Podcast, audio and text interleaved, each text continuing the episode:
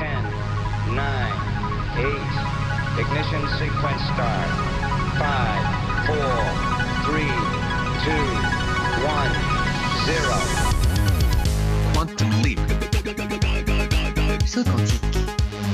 Salto quântico. Salto quântico. Salto quântico. Quantum leap. Salto quantico. Salto quantico. Salto quantico. Kvantum, det du inte visste att du ville veta. För ett år sedan svettades Finland och stora delar av Norden i en av de hetaste värmeböljorna i temperaturmätningarnas historia. Jag minns att jag fick mycket sura kommentarer på Facebook då jag konstaterade att det kanske skulle kunna räcka med plus 30 graders väder nu för ett tag. Is inte klaga när det är riktig sommar för en gångs skull tyckte folk och kvällstidningarnas löpsedlar de fylldes av glada bikinibrudar på stranden. Nå, nu ledde ju värmeböljan 2018 till att 380 finländare miste livet, huvudsakligen folk med olika sorters hjärt och kärlsjukdomar. 380 människor, det här motsvarar ett stort passagerarplan fullt av finländare som kör in i en bergvägg i 1000 kilometer i timmen. Det här skulle ju ge lite andra sorters rubriker i löpsedlarna. Eh, nu var det mest ”ihana Helle” i löpsedlarna och den som ifrågasatte det här var en glädjedödare. Ja, alltså det här slog mig när jag läste ett pressmeddelande från Sydänlito där de varnade för att den här sortens värmeböljor kommer att bli vanligare i framtiden och att samhället borde vidta åtgärder för att vi ska bli medvetna om värmens faror så att vi kan förhindra att folk dör i onödan. Helt av samma åsikt, fast Just nu i skrivande stund är det ju sådär 20 grader och vinden svalkar kinden, så för en gångs skull så klagar åtminstone inte jag. Markus Rosenlund, så heter jag förresten, och det här är ju Kvanthopp. I det här programmet ska vi belysa 5G ur olika synvinklar. Är den femte generationens mobilteknik så farlig som den ryskägda TV-kanalen RT America påstår? De har en kampanj på gång i USA just nu där de skrämmer upp folk med att snart får alla cancer, autism och näsblod när 5G kommer så ska vi också göra ett besök på den legendariska raketbasen Cape Canaveral i Florida i USA. Vår USA-korrespondent Bengt Östling fick sig en rundtur där. Mot slutet av rundturen gör vi också ett stopp på en av avfyringsramperna där man också har utsikt mot de nästa projekten. Men det viktiga här är ändå att det var här som Apollo 1 sköts upp eller så långt hann man ju inte. Det var en testflygning som slutade med brand och tre omkomna astronauter.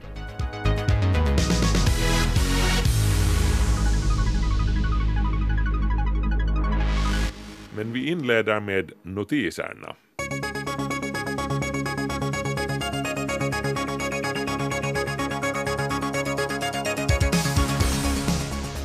Månen krymper, vilket i sin tur orsakar månbävningar. Det här framgår ur nya analyser av seismologiska mätningar som Apollo-expeditionerna gjorde för nästan 50 år sedan. En studie på temat publicerades nu i dagarna i Nature Geoscience tidskriften. Att månen krymper beror på att den svalnar med tiden och då skrynklas den ihop lite som ett russin som torkar. Och i samband med det uppstår det sedan månbävningar. Till och med relativt starka sådana, uppemot fem på Richterskalan. Forskarna tror att månen kan ha haft aktiva vulkaner så pass nyligen som för 50 till 100 miljoner år sedan. Forskarna räknade också ut att månen har krympt med omkring 50 meter i genomskärning under de senaste 200 miljonerna åren. Men i praktiken så är det så lite och går så långsamt att det inte märks. Vi kommer nog att få njuta av lika feta fullmånar så länge som människan finns här på jorden. Den amerikanska äventyraren och affärsmannen Viktor Vescovo ville gå på djupet med världens oceaner, bokstavligen, så han byggde en liten ubåt, Limiting Factor heter den, 4,6 meter lång med ett 9 centimeter tjockt skal av titan för att vara så lätt och stark som möjligt på samma gång. För sin så kallade Five Deeps expedition, de fem djupen, gav han sig ut för att dyka ner till de fem djupaste djuphavsgravarna på jorden. Helt nyligen hade turen kommit till den djupaste av dem alla, Marianergraven öster om Japan och mer specifikt då det så kallade Challenger-djupet. Det var tredje gången som någon besökte Challenger-djupet och Vescovos dykning står som den djupaste av dem alla 10 927 meter, nästan 11 kilometer rakt ner. Och vad såg Viktor Vescovo där nere i djupet då?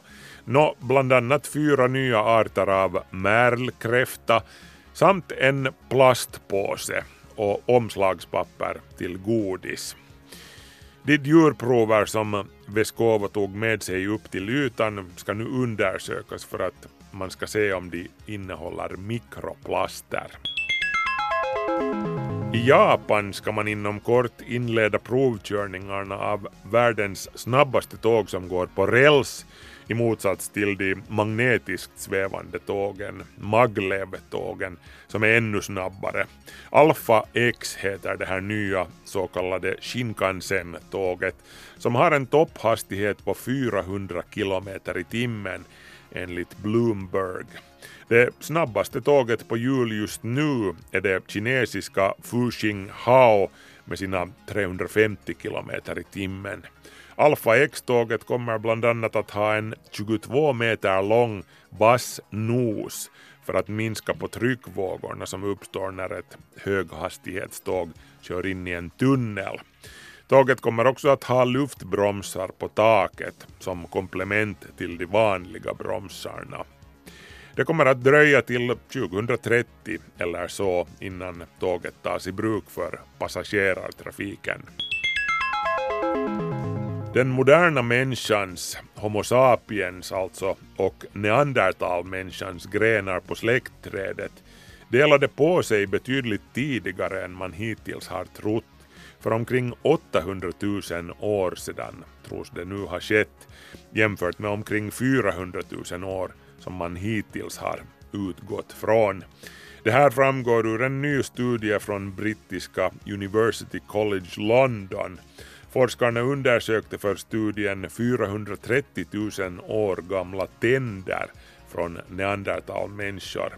Och de tyder på att vi och våra kusiner neandertalmänniskan vid det här laget redan hade varit åtskilda i närmare 400 000 år. Vi och de härstammar troligen från en tidigare gemensam förfader som kallas Homo heidelbergensis eller ska vi säga härstammade i neandertalmänniskans fall, för de dog ut för omkring 40 000 år sedan.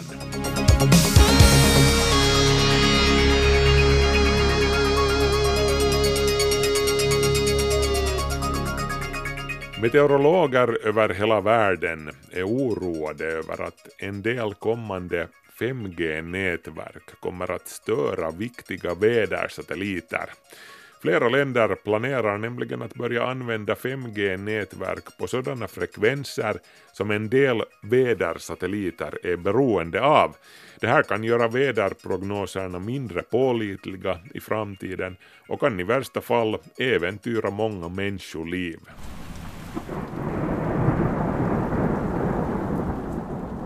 Stormar och extremväder kan komma plötsligt, men instrument i vädersatelliter observerar atmosfären och kan bland annat dra slutsatser om temperaturen och var det finns vattenunga, regn, snö, is och moln och håller oss informerade. Vattenånga märks till exempel på frekvenser kring 23,8 GHz. Men den femte generationens mobilnätverk, 5G, kan i en del länder komma att ligga nära de naturliga frekvenser som satelliterna observerar. Niin se ongelmahan tulee siitä, että, että sitä häiriötä ei pysty erottamaan siitä luonnollisesta lähteestä, joka nyt esimerkiksi saattaisi olla vesiöyryinformaatio. Problemet är att det till exempel kan bli omöjligt att veta vad som är vattenånga i atmosfären och vad som är en störning från ett 5G-nätverk, kommenterar Sami Niemelä som jobbar med väderprognoser vid Meteorologiska institutet. Flera frekvenser har hittills varit lediga för meteorologiskt bruk, men utan att det har funnits några egentliga regler om det. Niemela betonar att en enskild frekvens inte är avgörande för väderprognoserna, men det är alltså flera olika frekvenser som vädersatelliter nu använder och som kan komma att användas av mobilnätverken i framtiden. Och det skulle vara illa, säger han. Det håller man med om vid det europeiska vädercentret ECMWF i Reading i Storbritannien. Ledande forskare Tony McNally. And in the worst case situation, we may get some contamination from a telecommunications operator into our natural bands at exactly the wrong time.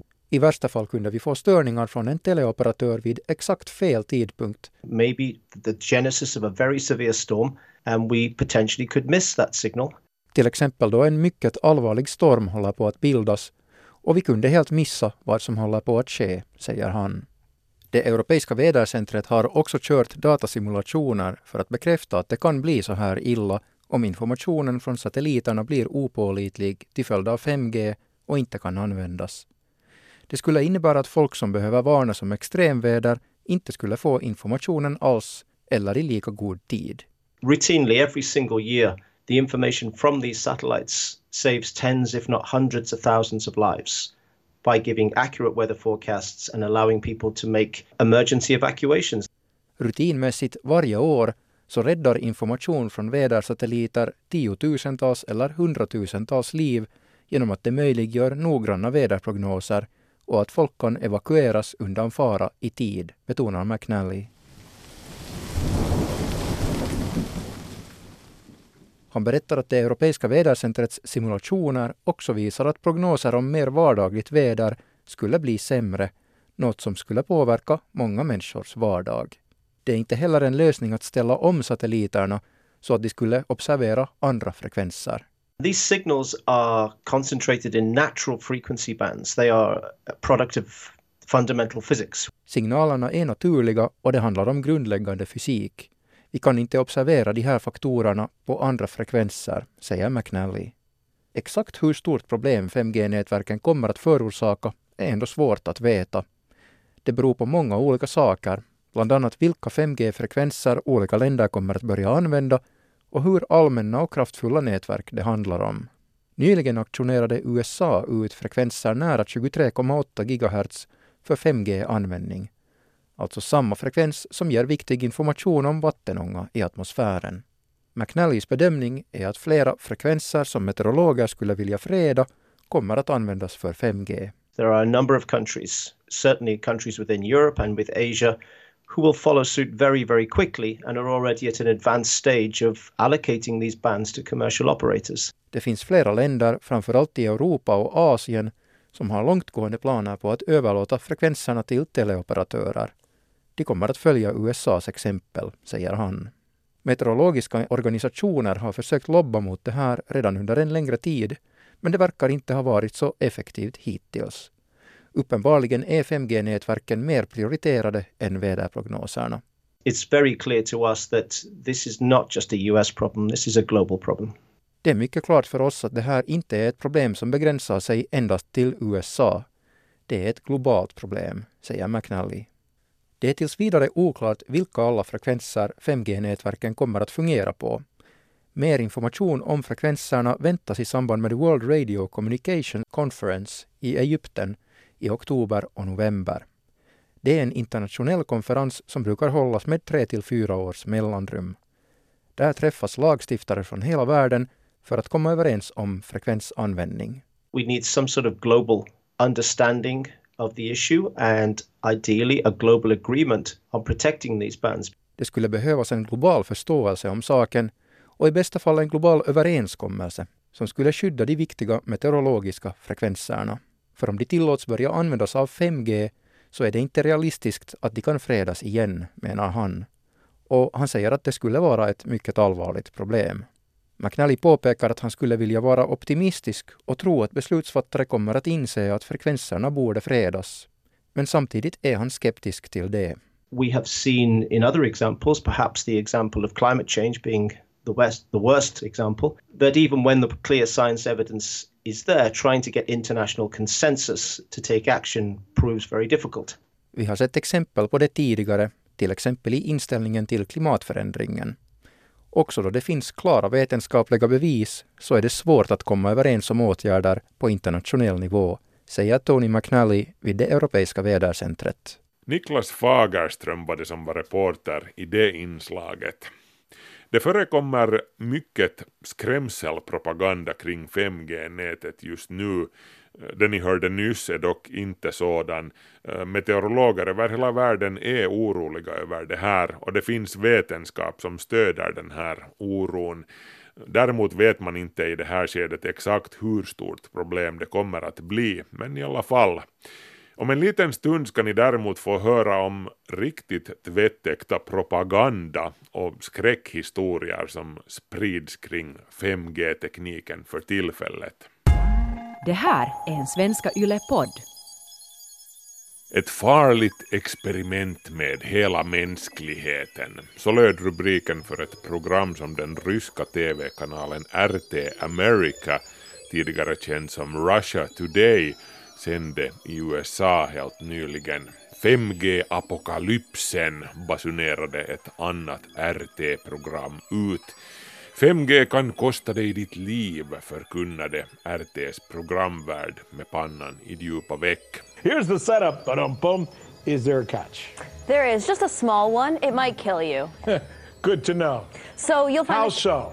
Well, a few days ago, actually, a group of scientists, doctors, environmental organizers, and concerned citizens got together and they called for the urgent stop to the deployment of 5G. They said hmm. that it's been proven harmful to human bodies, that this is an experiment on humanity, and that hmm. this should be called a crime under international law. Det så kallade experimentet där vi alla påstås vara laboratoriemöss handlar alltså om den femte generationens mobilnätverk, eller 5G, som just nu byggs ut över hela världen. 5G utlovar en internetrevolution med robotar, självkörande bilar och allt från smarta brödrostar till hela byggnader. Det så kallade Internet of Things, sakernas internet. Och de länder som får övertaget med den här nya teknologin, de som är bland de första att bygga ut och tillämpa 5G i stor skala, de kommer otvivelaktigt att ha ett betydande försprång i förhållande till konkurrenterna en bra bit in på det innevarande seklet. Och hur det nu råkar sig så var det faktiskt i Finland som det första kommersiella 5G-nätverket invigdes. Det här skedde i Tammerfors i juni 2018. Sedan dess har 5G-basstationer tagits i bruk i flera städer runt om i landet och nätverken väntas växa utåt från städerna an eftersom konsumenterna får tillgång till apparater som kan utnyttja den här nya tekniken. Och nu finns det de, framförallt amerikanska analytiker som menar att Rysslands president Vladimir Putin inte ser på den här utvecklingen med blida ögon alls eftersom Rysslands egen 5G-satsning bleknar inför västländernas motsvarande. Så därför, hävdar New York Times, pågår det en regelrätt kampanj från ryssarnas sida för att smutskasta 5G-tekniken i väst och skapa misstro och rädsla bland allmänheten, främst genom att få folk att associera 5G med allsköns hälsorisker. Och då är det uttryckligen den ryskkontrollerade kanalen RT America som utgör spjutspetsen för den här kampanjen, menar New York Times. Det 5G-kritiska programmet som sändes helt nyligen var det sjunde av den här sorten bara nu i år på RT America. We have every cell tower, every router constantly pulsing with radiation, whether or not you're using it. Science shows that this causes DNA damage, cancer, among other things. But don't take my word That- for it. that- and that's just with 4G. That's just with today's technology. Before we get Correct. to 5G, right now you got some of it, but not that Exactly. much. Kampanjen inleddes i fjol med ett program som hade rubriken Den trådlösa cancern. Ett annat program visste berätta att så överlever du 5G-farorna. Ekonomisk krigföring, varken mer eller mindre, säger Ryan Fox som är verksamhetsledare för tankesmedjan New Knowledge åt New York Times och fortsätter Ryssland har inte lyckats med sin 5G-strategi så de försöker sitt bästa för att underminera och misskreditera vår.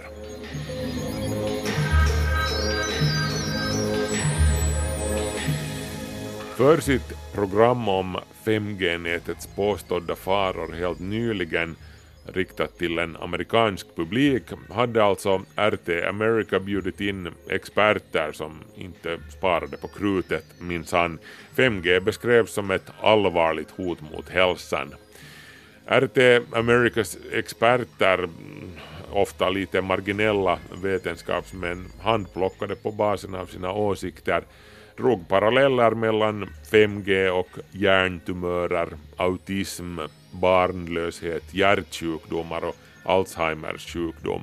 Barn drabbas enligt RT av allt från näsblod till inlärningssvårigheter. I samtliga fall handlar det om påståenden som saknar vetenskaplig förankring helt enkelt.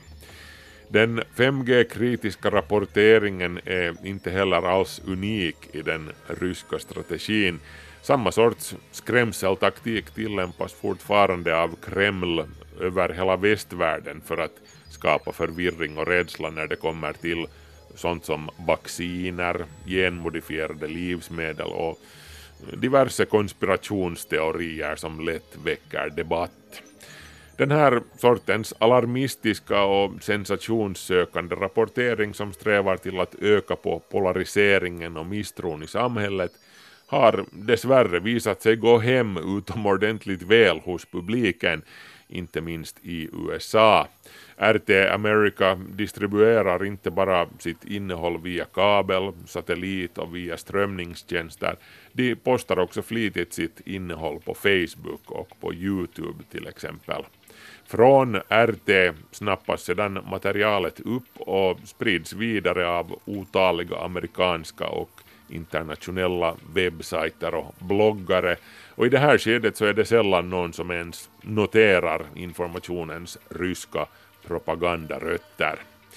New York Times intervjuade RTs kommunikationschef Anna Belkina som försvarar RTs rapportering och säger att RT bara belyser debatten från alla sidor till skillnad från övriga massmedia i väst. Hon verkar inte värst oroad över det faktum att självaste Vladimir Putin upprepade gånger har talat om 5G i mycket varma ordalag på rysk TV i Ryssland och prisat framstegen inom Rysslands egen 5G-utbyggnad.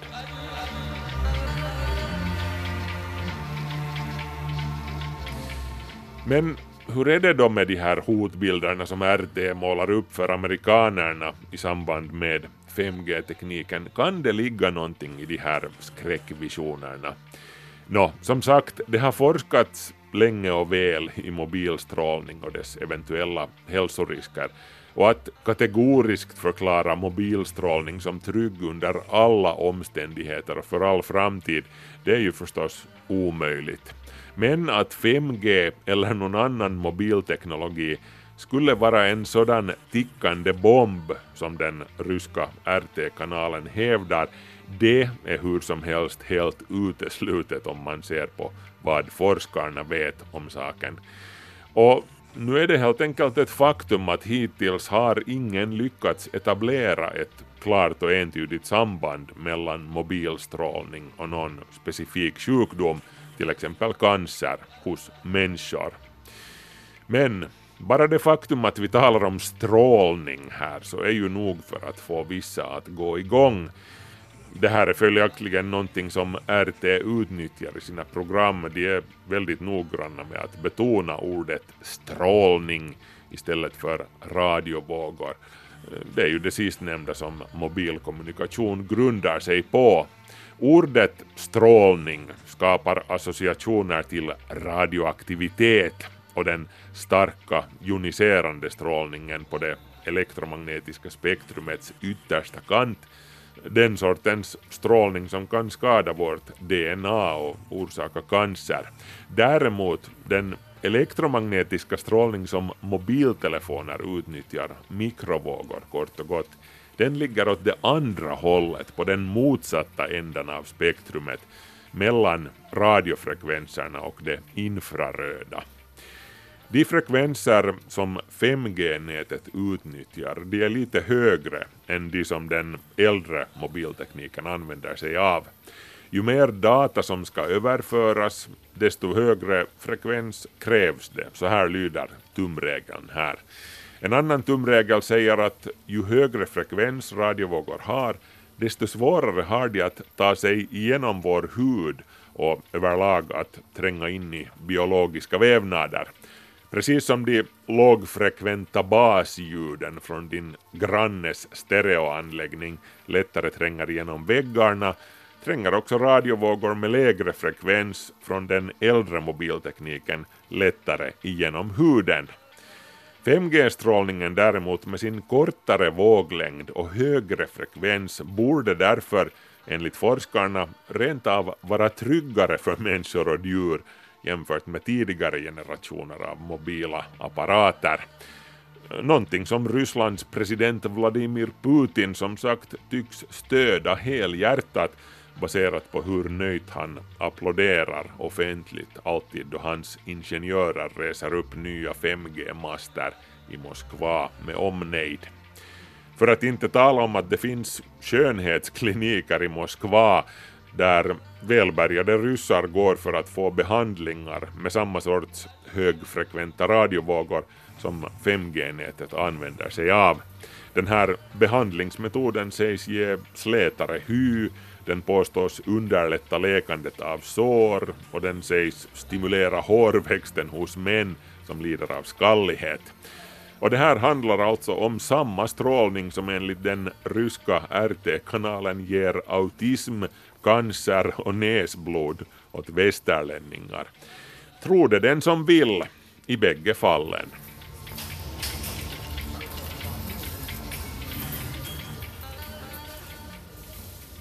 I USA är rymdfrågor intressantare än på länge. Det har gått 50 år sedan Apollo 11 besökte månen nu i sommar och nu planerar USA att återvända till månen, den här gången för att stanna. Nå, vi får ju se vad det blir av det. Men i alla fall, aktiviteten kring rymden håller nu på att ta fart och då är det nya aktörer som jobbar med rymden, förutom NASA. Men i det här inslaget ska vi koncentrera oss på historien. Bengt Östling har besökt den så kallade rymdkusten utanför Orlando i Florida och gjort en rundtur på Cape Canaveral som ju är granne med Kennedy Space Center. Och det är en viss skillnad på de två. Cape Canaveral's had over 8,000 launches, including weather rockets, etc. Kennedy Space Center is only about 175 rockets, and that's basically the space shuttle and the moon rocket. Ja, vår guide John Hilliard mer än antyder att det är Cape Canaveral som gäller för de verkliga rymdentusiasterna. Kennedy Space Center har haft 175 uppskjutningar medan Cape Canaveral har sett över 8000 rymdfarkoster och raketer av olika slag flyga upp mot rymden från de mer än 40 startplatserna. Satelliter och rymdsonder har avfyrats sedan år 1949. Raketuppskjutningsbasen ligger på en lång smal ö ytterst mot havet. Det är folktomt och säkert och så att säga närmast rymden. Cape Canaveral är det amerikanska flygvapnets rymdbas medan Kennedy Space Center tillhör den amerikanska rymdstyrelsen NASA. Kennedy Center verkar mer vara en förlustelsepark med dyrt inträde. Besökarna lockas då med spännande rymdhistoria, månlandningar och möjligheten att träffa en livslevande astronaut. Okay, we're on the Cape. It is a closed facility. Uh, you can't get on here by just driving up and showing my military ID card. Här kommer man inte in utan tillstånd, inte ens den pensionerade guiden kommer in utan specialtillstånd och vi i journalistbussen har flera månader på förhand fått lämna in alla personuppgifter för att få inträde. Everything over on the right hand side is basically Navy operations. That is for the sub-launched ballistic missile, started back in 1950 and it continues today. The subs come in here and then they go out to sea and launch their sub-launched ballistic missiles from here. Cape Canaveral är ett stort område på 68 kvadratkilometer. Guiden visar oss var ubåtarnas missiler testas och lastas ombord, var man började skjuta upp raketer och var de döda är begravda och var han själv har jobbat. Uh, three buildings like the one you see there and that was my office like that in 1956 and that's where I worked. I climbed to the top of that and watched a rocket launch from there at 3 o'clock in the morning at Redstone from our museum. John Hilliard berättar om hur han stod på taket i kontorsbyggnaden där han jobbade för att se uppskjutningen. Det var år 1956. John Hilliard flyttade till Cape Canaveral som ung. Han var son till en yrkesmilitär och fick som barn följa med sin far till Tyskland år 1946. Sen blev han elektroingenjör och fick börja jobba med den interkontinentala ballistiska roboten Minuteman. 200 yards is where they launched the first rocket, a German V2, which was called a bumper here. And just a piece of concrete out there, that's where the first rocket was launched from. John Hilliard som guidar oss jobbade alltså här redan på 50-talet, sen i Washington för CIA och Pentagon bland annat, innan han var med på SALT-förhandlingarna mellan USA och Sovjetunionen i Genève på 1970-talet. SALT var det avtal som begränsade strategiska robotar och bombplan till 2400 stridsspetsar per part. Det är alltså lätt att räkna ut att John Hilliard inte är någon ungdom, men i USA pensionerar man sig sent. Nu är han ändå 80 år och han trivs med att guida runt på området och fortsätta följa med den amerikanska rymdverksamheten. Så småningom kommer vi till de ställen där allt hände till en början.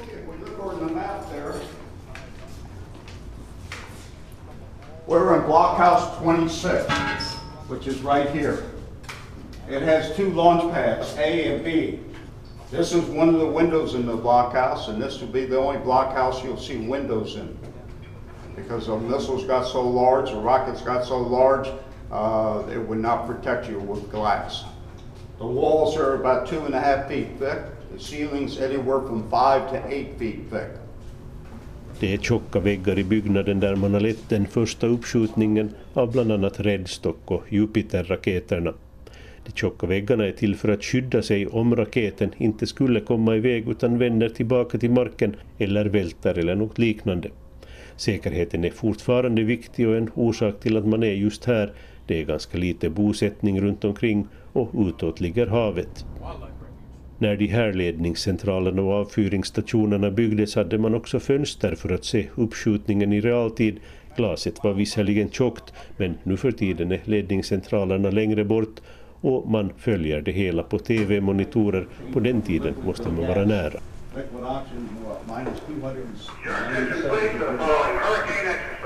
When they get to that point, Exercise, exercise, exercise. The 45th Space Wing Commander has declared ERCON 4 for Patrick Air Force Base and King Canaveral Air Force Station for Ocean Breeze Exercise 19-01. Exercise, exercise, exercise. Det här var bara en övning så guiden låter sig inte störas, men i alla fall, tornadosäsongen håller på att komma igång och hårda vindar är ingenting man vill ha när man skjuter upp raketer. Det här är en samling föremål från rymdhistoriens barndom som är iståndsatta och underhållna, därför ser allt ut att vara i ursprungligt skick, det säger guiden också. The empty pads you see directly to the left and the other, the concrete, all those rockets have been actually removed from here have been refurbished and they're in Hangar C now, and that's what we're going to show you next. We have some 26 different systems in there, and they look like they just came off the production line. They are beautiful. De är vackra, säger John Hilliard om de 46 olika föremålen i hangar C, där små rymdfarkoster som på sin höjd har rymt någon av schimpanserna samsas med de stora ballistiska missilerna som har samlats i museet. En del ser nya ut och till exempel kärnvapenmissilerna har ju aldrig använts. Så vad har man lärt sig sedan rymdprogrammen började? Hur mycket har de utvecklats? Egentligen inte så mycket, säger John Hilliard, utom att en del saker har blivit större, andra har blivit mindre och bränslet är annorlunda. Men man gör på samma sätt med flera steg och bättre teknologi. Och man lär sig något nytt varje gång. Basically, technology in the guidance, electronics. Uh, we got a little smarter in the engines. Uh, we got a little smarter in the type of fuels, but they're basically the same type of fuels we're using. There's not much really different. I mean, you got a first stage, you lift off. You got a second stage, you burn and put a satellite. That's what we did back in the early days, and that's what we do today. Yeah. But the technology, the guidance system, the uh, command control, that is all new technology. Every time you launch a vehicle, you learn something, and SpaceX has just learned something uh, over in the pad. They had a failure on the pad just recently, and I'm sure they're going to learn from that. Bättre att göra misstagen på marken än i luften och det hände förresten nyligen med SpaceX blivande månfarare. På tal om månen, John Hilliard har ju varit försvarets man på Cape Canaveral sedan år 1950 ungefär. Vad tycker han om att USA inte har någon verksamhet i förhållande till månen och ingen som är på väg dit ännu? Man program, uh, this is the Apollo capsule. Now we have a number of different designs. After that, we went to the shuttle, and now they're looking at a new one called Orion, and they're testing it now. It's going to be a la- launch of a NASA on the Space Launch System. Uh, SpaceX has a Dragon capsule that they're going to be testing, and the Atlas V ULA has what's a Boeing payload called CST 100, and both of those will be manned program. And we don't have any capability right now to put a man in space from U.S. We should have decided to get something before we deactivated the shuttle. That's my opinion. John Hilliard anser som sin personliga åsikt att USA inte borde ha släppt sig helt utan möjligheter att sända upp människor i rymden. Nu är man beroende av andra transportörer, privata företag och ryssarna. Här på området förbereder sig både SpaceX och Boeing för bemannade rymdfärder i framtiden. Mot slutet av rundturen gör vi också ett stopp på en av avfyringsramperna där man också har utsikt mot de nästa projekten. Men det viktiga här är ändå att det var här som Apollo 1 sköts upp, eller så långt hann man ju inte. Det var en testflygning som slutade med brand och tre omkomna astronauter. Historien gör sig ständigt påmind på Cape Canaveral och när man nu firar 50-årsjubileum för Apollos landning på månen pratar också politikerna gärna både historia och framtid. Det är nya tider i rymdvärlden men kapplöpningen till månen gör sig fortfarande påmind. Häromdagen samlades ett utskott i den amerikanska senaten för en utfrågning om rymdprogrammen. Republikanen Ted Cruz ville ändå börja med Sputnik som inledde kapprustningen den 4 oktober 1957. Det var den första satelliten och överhuvudtaget människobyggda föremålet i rymden. On October 4, 1957, the Soviet Union successfully launched Sputnik 1, the first satellite and man made object in space. Slightly larger than a beach ball. Den ryska Sputniken körde runt i 96 dagar och sände en beep-signal till jorden och det var ett avgörande ögonblick i USAs rymdhistoria. Efter det sändes människor till månen och självkörande fordon till andra planeter. It was a pivotal moment in our nation's history that led to the ensuing space race, which put men on the moon and robotic rovers on distant planets. And it fundamentally changed the course of human history. Nu debatteras fortsättningen. De följande 50 åren kan bli ännu viktigare i rymden Den kommersiella rymdsektorn växer kraftigt, astronauterna återvänder till månen och det bildas en militär styrka. Den behövs för att försvara de amerikanska intressena och herraväldet när det inte är bara USA som är intresserat av rymdäventyr utan också Ryssland, Kina, Indien, Israel. Det räcker inte längre att få vandra på månen eller göra nya vetenskapliga upptäckter, nu ska rymden exploateras. De värdefulla mineralerna finns inte bara på jorden utan också i rymden. Det är inte otänkbart att man kan göra enorma förmögenheter. Det finns redan miljonärer och miljardärer. Nästa steg är kanske triljonärer och de har nog inventerat i rymden, tror Ted Cruz. Space has become an integral part of the world economy. The space sector will grow to nearly $3 trillion in value in the next three decades alone. It is also my belief that the world's first trillionaire will be made in space. För dem som jobbar på Cape Canaveral är rymden ett vardagligare äventyr. Fenrik Gail Meringer har sett flera dussin uppskjutningar men det är fortfarande spännande, säger hon, trots att man måste vänta. Ibland är det också natt och ibland blir det ingenting, men blir ändå exalterad. Oh my goodness. So you're not going to believe this, but I have, I think, lost count. I know that I've at least seen a couple of dozen, and the feeling never gets old. Um, it's always exciting. You're always waiting in anticipation because you always have to come out a couple of hours early to each launch. Uh, and then when it finally launches, it's just an automatic sense of awe that we are able and capable to do such an amazing thing. Gail Meringer hörde ni där. Hon blir alltid lika imponerad när hon ser en raket lyfta mot skyn. Tänk att vi är kapabla till någonting sådant, sade hon.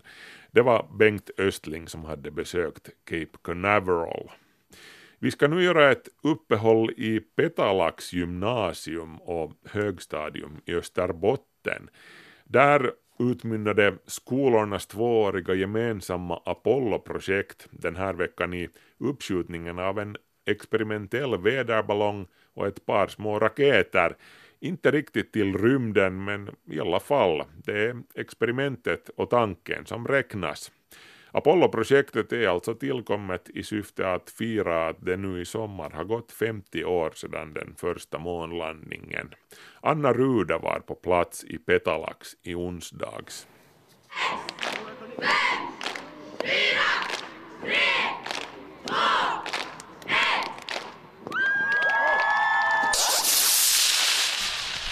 Inför de samlade högstadie och gymnasieeleverna sköts raketerna upp.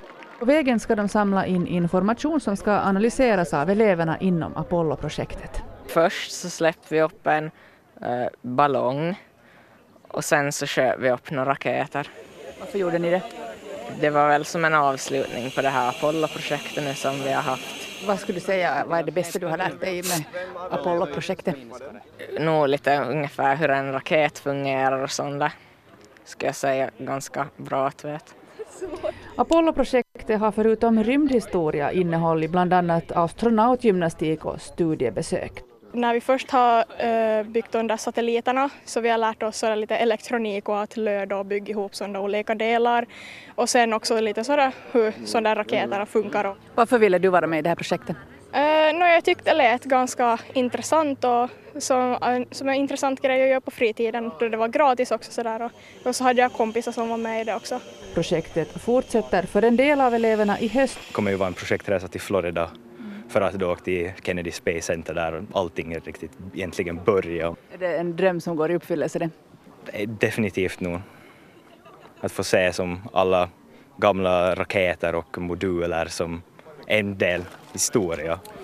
Det var Anna Rudo som var reporter där och de som intervjuades var eleverna Emil Joffs, Jenny Annala och Oskar Björkholm i den ordningen.